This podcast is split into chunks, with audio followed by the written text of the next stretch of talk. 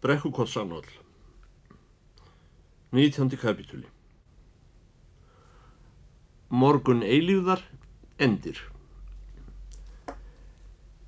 Þegar kom fram á útmánuði kallaði Björn afi minn mig, jöfnubáðu ótt og miðmorguns til að vitja með sér um hrottjelsanetinn í skerjafyrði Þessir morgnar hafa ekki líðið mér úr minni síðan Hvað gerðist? Það gerðist í rauninni ekki neitt nema sólinn var að búa sig undir að koma upp. Sjaldan eru stjórnurnar einn skærar og mótnana, hvort sem það stafar nú af því að sjónin er skörpust þegar menn eru nývaknaðir. Ellegar Marja mei hefur verið að fæja þær í alla nótt. Stundum var einnig tungl. Það var búið að kveikja á ljóstýru í koti á Altanesinu. Kanski ætlaði einhver að róa. Oft var frost og hjarn og marraði í ísum á nóttinni. Einhver staðar í óendanlegum fjarska var vorið. Að minnstakosti í huga Guðs líkt og þau börn sem enn eru ekki getin í móðurkvið. Afi minn átti stóran og lítinn bát. Littli báturum var hafður til hrottjálsaveiða. Hann stóð í fjörunni niður undan kofa í flæðarmálinu þar sem við gemdum færurnar okkar. Það var auðvelt að ráða bátnum til hluns Hann rann næstum af sjálfu sér ef bakkastokkarnir voru látnir rétt. Við rerum út á meðal hleina og skerja þangað sem trossurna lágu. Mávarnir fylgdu okkur stundum í túnsljósinu. Það er ekki síður að draga inn hrottjelsanett, heldur róa fram með þeim og færa gogg í fiskinn eða taka hann bara með sjóvellinguðum höndunum. Ég hafði úti ári og helt við meðan afi minn goggaði. Afi minn var alltaf í góðu skapi og alltaf mátulega svalur en aldrei beint skemmtilegur. Hann gæti verið glettinn á saglausan hátt og hafði gaman af að snúa á mig í róðri. Hann hló líka ef fauk upp í augað á mér þegar hann var að taka í nefið. Líklega af því honum hefur ekki fundist kallmannlegt að láta bera á því ef manni vöknaði um auðu. Ég vissi aldrei um hvað hann var að hugsa. Af því hann talaði mest í förstum orðskviðum bæðum veðrið og fiskinn en mér fannst einhvern veginn að í návist þessa manns gæti ekki neitt komið fyrir öðruvísi en að átti að vera. Ég var ofta að hugsa um hvað frelsarin hefði verið góður að senda mig þessum manni til halds og tröss og ég afríð að vera hjá honum meðan að lífði og draga með honum grásleppu alltaf á útmánunum og ég vonaði að Guðgæfi að hann hyrfi ekki frá mér fyrir en ég væri sjálfur komin vel á veg að verða eins gamall á hann. Þá ætlaði ég að finna einhverstað lítinn dreng og láta hann róa með mér til að vitja um snemma mornana meðan stjörnurnar enn væru stjærar á útmánuðum. Það var eins og gullbringa á máfinum í túnsljósinu ef maður leið niður fyrir borðstokkin sá maður hrottjelsinn íða metjandi í þarran. Einstökur sinnum sneruðu jafnvel bleikurjóðum kviðnum upp í loft í sjónum. Stundum fylltum við bæði handvagnin og hjólbörurnar af þessum feita fiski. Um það byrj sem stjörnurnar voru vel byrjaðar að fölna ókum við aflanum heimleiðis, þvers yfir meðlana. Við fengum kaffi hjá henni ömmu minni og heldum síðan áfram og henni bæ í kringum fótaferðartíma að selja aflan. Hann staðnæmdist með handvagnin einhver starf á plásinu og margir komu með auðra til að kaupa grásleppu og rauðmaga en sumir komu bara til að heilsónum og tala við hann um veðrið. Ég var oft sendur með kippu af hrokkjálsum til fastra viðskiptavina. Venjulega kom griðkonan með auðrana og tók fiskinn, einstöku sinnum sjálf frúinn, ellegar af einhverju óskiljanlegri ástæðu heimasætan. Er þetta ekki þú sem er skildur honum gardar í hólm? segir kornung stúlka sem kemur ófarvarandi spagdira megin út úr húsi til að taka við kippu af hrokkjálsum úr hendi mér. Nei, segja. Þú ert vist skildur honum, segir Súlkan. Það varst þú sem hann gaf gullpenningin? Ég er svo aldrei standandi hlessa að vera að selja grásleppu. Vist ekki að grásleppu er óæðri fiskur? Ég saði ekki neitt. Ætlar þá ekki að verða þegar þú ert orðin stór, spyr hún. Ég ætla að verða fiskimöður ef þið skildi varða nokkuð um það, saði ég. Grásleppu kall, saði hún, að þú skulur ekki skammast þín og eiga annan eins frenda. Láttu grásleppuna þarna á trefið, ég kem ekki við hana. Þetta er næstum því eins og margnútur. Og að vera skildur heimsfrægum manni. Ég á að fá peninga fyrir fiskinn, saði ég. Ég á einhver peninga, saði heimsættan. Píjan er gengin úr vistinni. Ég á að fá peninga fyrir því, saði ég. Hún svaraði, ég held að þú getur haft gullpenningin sem þú fegst í fyrra svínabestið þitt.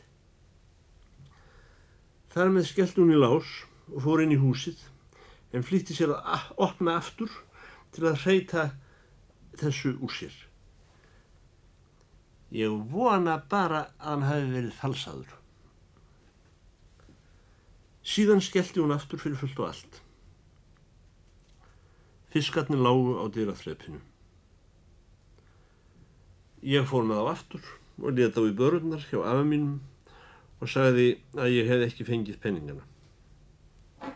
Satt að segja mislíkaði mér dálitið að svona feitur fiskur skildi hafa verið hrakirstur.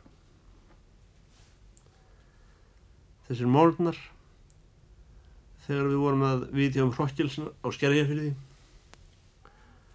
og þeir voru í raun og veru allir einn og sami morgunin Allt í einu eru þeir líðnir. Stjórnur þeirra eru falnaðar. Kymversku bókinniðinni lokað. Afi minn hefur gefið mér merki um að við skulum leggja upp árunum. Báturinn stendur á hlein að framann og rauðir solvabrúskatnir blakta fram og aftur um stafnin í lignu sjáarborðinu við upprennandi sól. Er komið fram um sömarmál. Hann tekur vandlega í nefið úr nautshyrningum sínum og segir síðan Hún amma þín hefur verið að tala við mig. Ég þagði og beð.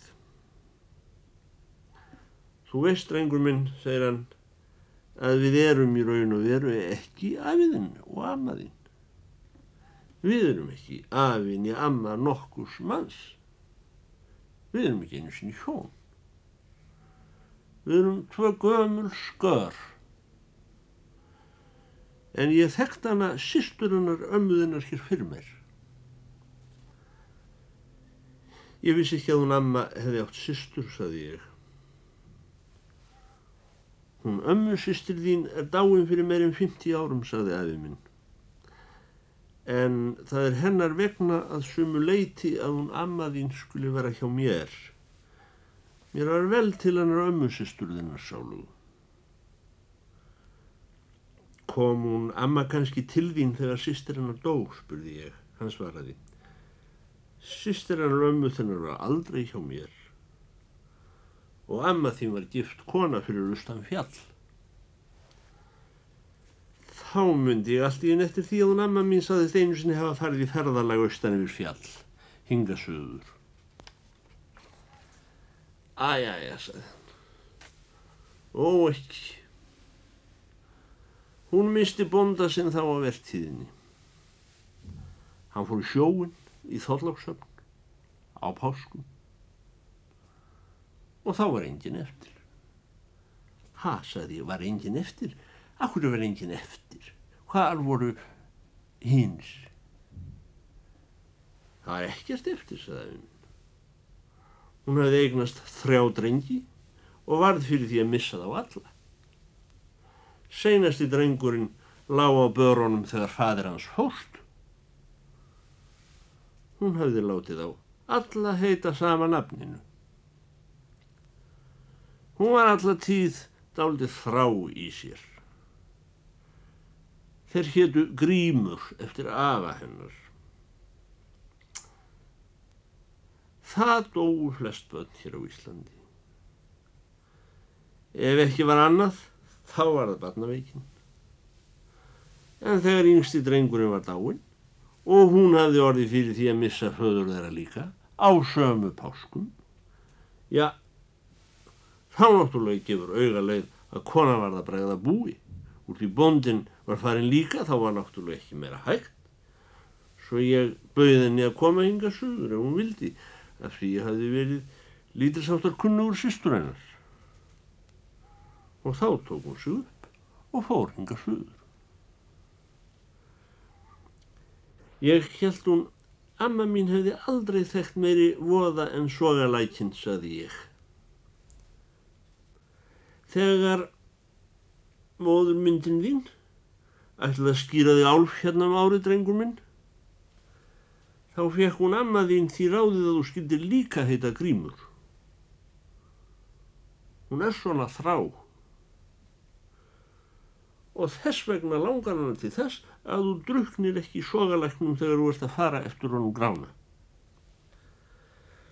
Ég skal reyna að fara varlega að vissaði ég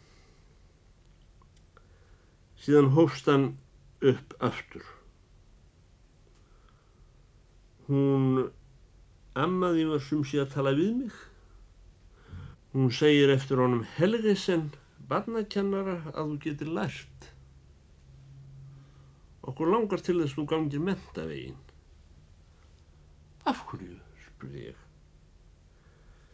Hennar fólk hér áður voru lærðir menn, saði hann. Og hvað þá að láta mig gera, segði ég, fæ ég ekki að vitja um með þér aftur. Við vorum að hugsa um að setja þig til skóladengur minn og láta þig læra það sem þeir kalla latínu. Meiningin var að þú byrjaður í höst ef þú verður tekin inn. Ég fór að hitta hans sér að Jóhann. Það er búið að fá hafnarstúdent til að undirbúa þig. Það eru verið talað um að þú byrjaðir á morgun. Ég spurði. Ætlar þú þá ekki að vekja mig fyrramáli til að vitjum? Hann svaraði. Hún ammaðinn villir vel, dengur minn. Og ég líka þó ég sé heimskur. Í þeim töluðum orðum lagði hann út ári og við íttum frá hleininni og rerum í land. Í æfisögu Stefans G. Stefanssonar segir að þegar þjóðskáldið var tökudrengur norður í Skagafyrði sá hann einhvern tíma að höstlægi hver pillar ríðu suður fjöll á leið í skóla. Honum rann þá svo til rivja eimt sín að mig ekki fara í skóla sjálfur og verða lærður maður að hann kastaði sér niður millir þúpna þar í mónum og greiðt í einn dag. Þessa sögu hef ég alltaf átt bátt með að skilja. Aldrei hafði flögraða mér svo hugsun að verða latínumadur. Aldrei hafði ég hrifist af því að sjá skólapilta ganga um bæin með bókarröðrildi undir hendinni. þaðan af síður að mér langaði að fara í fötin þeirra. Og nú, þegar mér var bóðað að ég ætti að fara að læra latínu, var mér innan brjós eins og afi minn hefði sagt mér að gerast hljóðkassamaður eða skerslýpari. En þessar atvinnustjettir af kyni trantara vitjuðu okkar stundum og sumrin úr Danmörkun. Þetta kom sem sé eins og þruma úr heiðskýru lofti. Allar ráðagerðin mínar um eilift líf í brekkukoti voru að öngu gerðar. Gleði mín af tilverunni var rófin. Kínamúrin þar sem ég sjálfur var sonur hímins var brotin og ekki fyrir lúðurhljómi heldur orði. Sárastaðan afi minn skildi verða til þess að segja orðið sem tilþurfti að ónýta fyrir mér krosslíðið okkar. Ég begði af. Ég hef ekki gólað síðan ég var lítill því við góluðum ekki í brekkukoti. Mér fannst ekkert geti framar huggað mig. Ég reri og reri allt hvað aftók á mótonum afa mínum. Gólaði og gólaði. Þegar við vorum komin í flæðarmálið, saði hann. Gáðaði, drengur minn, að þú átt að koma í staðin fyrir álfinn ennar móðurðinnar og gríman að þrjá ennar ömmuðinnar. 20. kapitúli Latína Hvað allan afi minn Björn í brekkukoti hafi annars haldið að latína væri?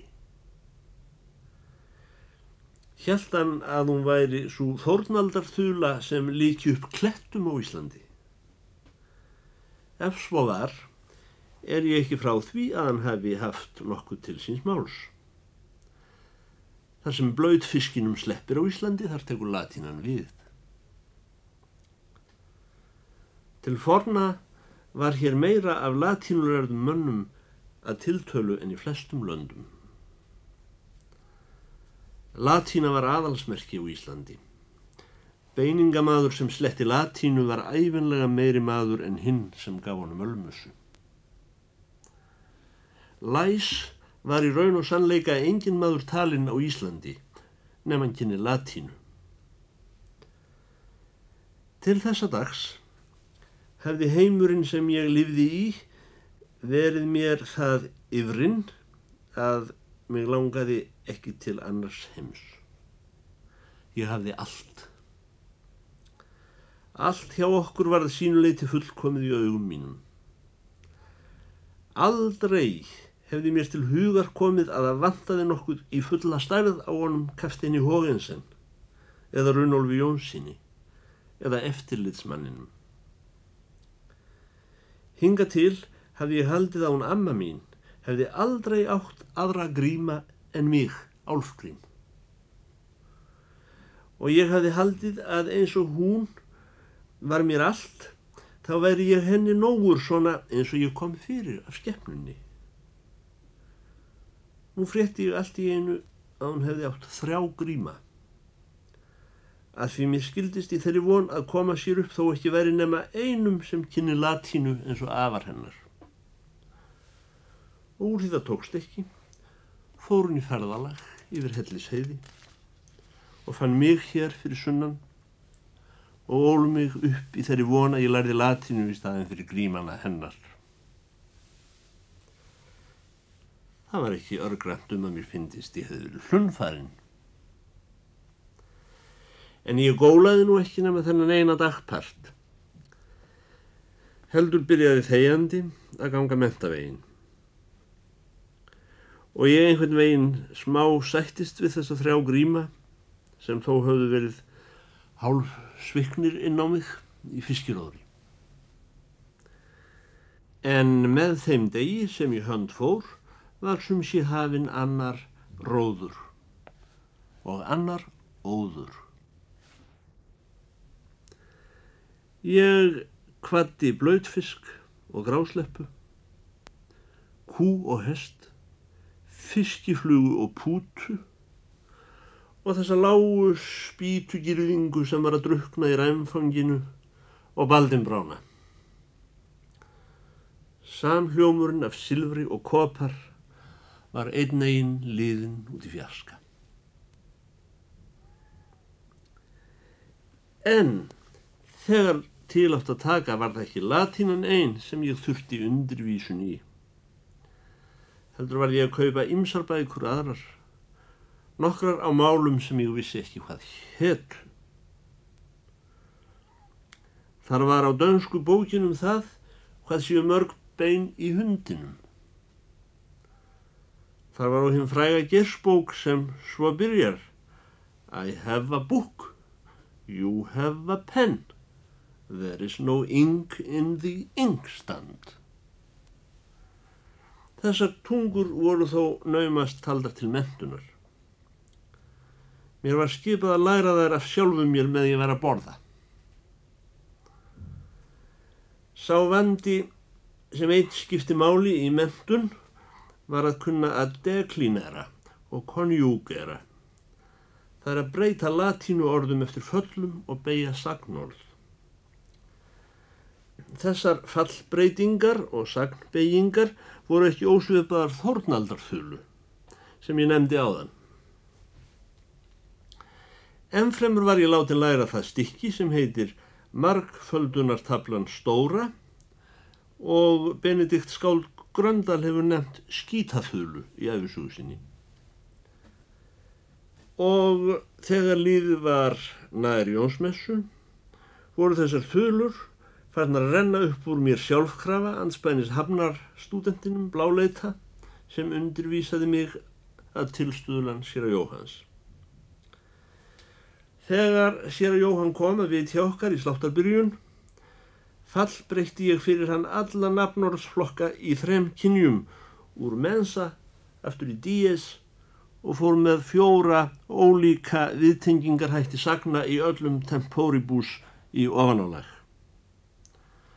Og af öllu þessu var sér að Jóhann svo hrifin að hann sagði að hver maður sem kynni að neyja rétt kynni einnig að hugsa rétt og sá sem kynni að hugsa rétt kynni að lifa rétt með Guðs hjálp. Ég átti að freysta á intöku í annan bekk latínuskólans með haustinu.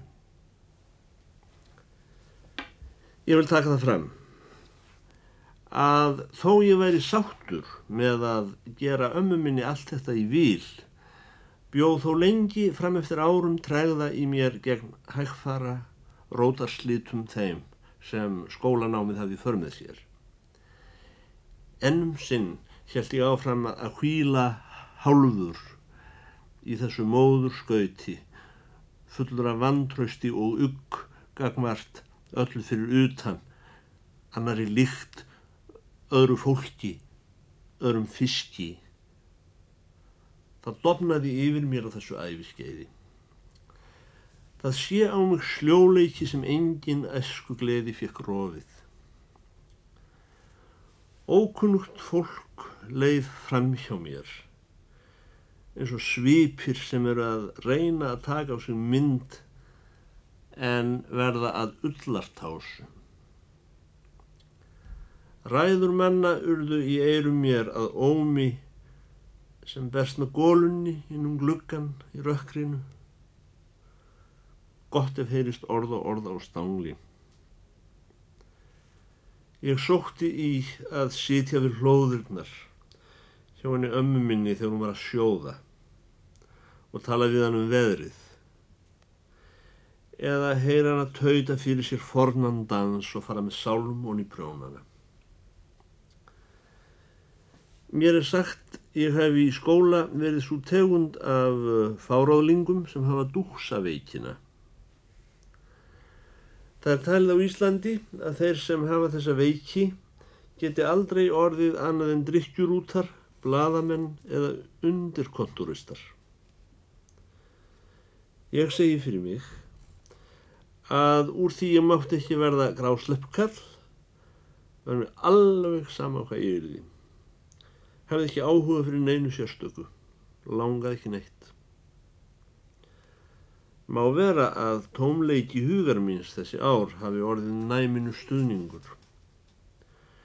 Ég læriði alla skapaða hluti áhuga löst og ósjálfrátt. Ég var andlega sem líkamlega í mútum. Leksíurnar runnu upp úr mér eins og svefn ruggl. Ég gæti rækið beinin í hundinum fyrir gott orð hvena sem var, rétt eins og ég veri með þau í vöðsson. Ef ég hefði verið vækin upp klukkan þrjú á nóttu, myndi ég hafa tíundað eitt og sérhvert þeirra með skilum eins og ég lægi á þeim. Þessi sálarbílun var talin til gafna áður fyrr. En fyrir bræðið var ég vinsæl af þeim sem áttu að segja mér til. Og vafalust hefur gáfan forðað mér frá óþægindum sem ég held ég hefði hlotið að kalla yfir mig hvar sem ég síndi á mér smettið. Undir það er sokkabands ár mín fóru að nálgast duggarabandið.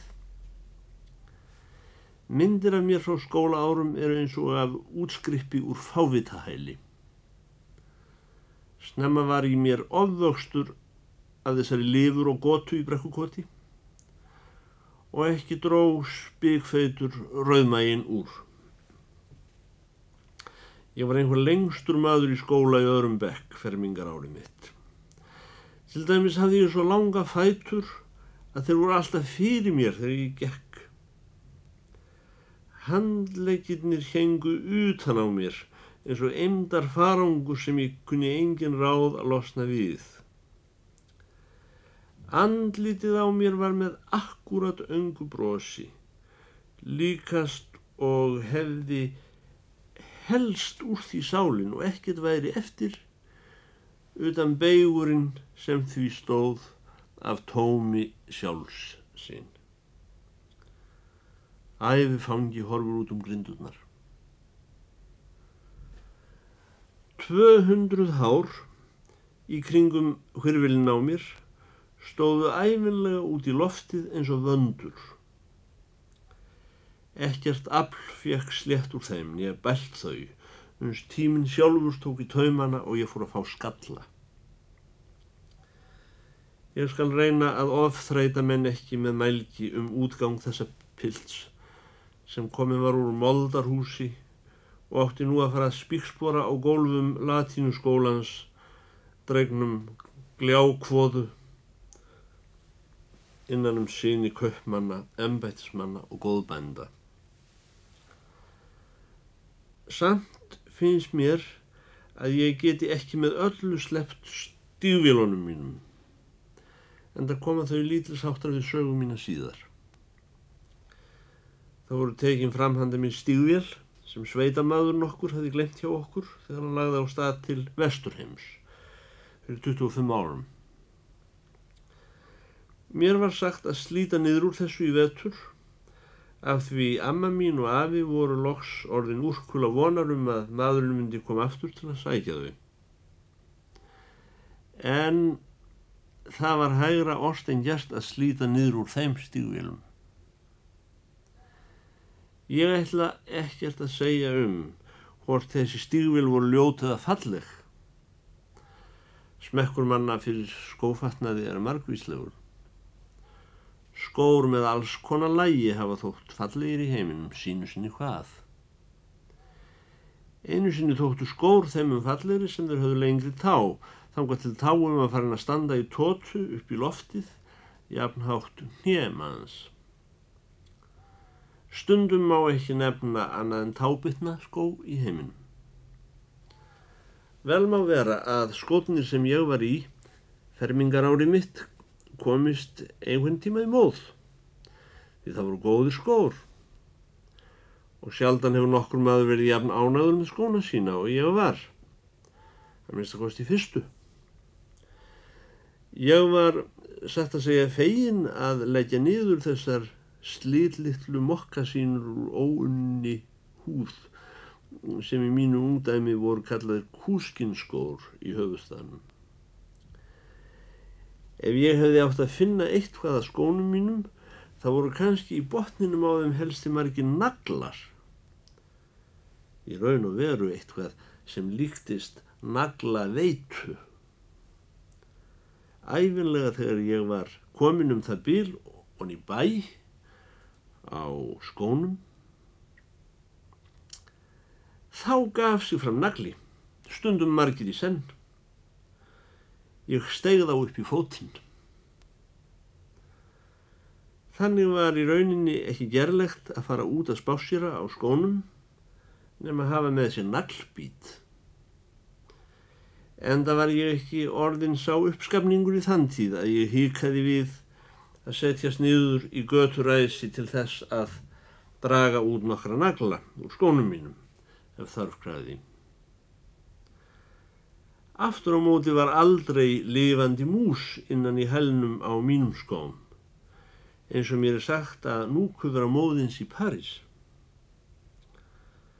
Fátt er mér þó minnistæðara um þessa skó en hvað er gerðu mikinn háfaða og skarkala í góðum húsum og alveg sérstaklega í latínuskólanum. Þygt sólanna og harka, svo og járnþau sem skotnir voru slegnir, ollu því að flestum mönnum fór ekki að verða um sel ef ég heyrðist koma álengdar.